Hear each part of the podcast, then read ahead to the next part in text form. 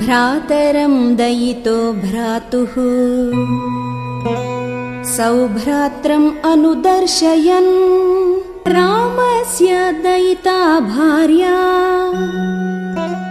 नित्यं प्राणसमाहिता।